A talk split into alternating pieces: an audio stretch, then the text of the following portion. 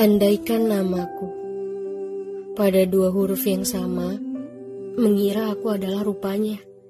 Ternyata salah dengan parah, hanya karena dua huruf yang serupa. Ya, andaikan itu namaku. Ada hal yang paling indah. Jika diingat baik-baik perihal tuas yang sama-sama kita tarik waktu itu. Manis sekali, seolah ada insan yang sedang siap-siap menyambut satu sama lain. Tapi itu hanya ada gen kebetulan, namun berbalut nuansa yang teramat apik dan romantis. Tetapi, meletakkan harap haruslah pada yang semestinya.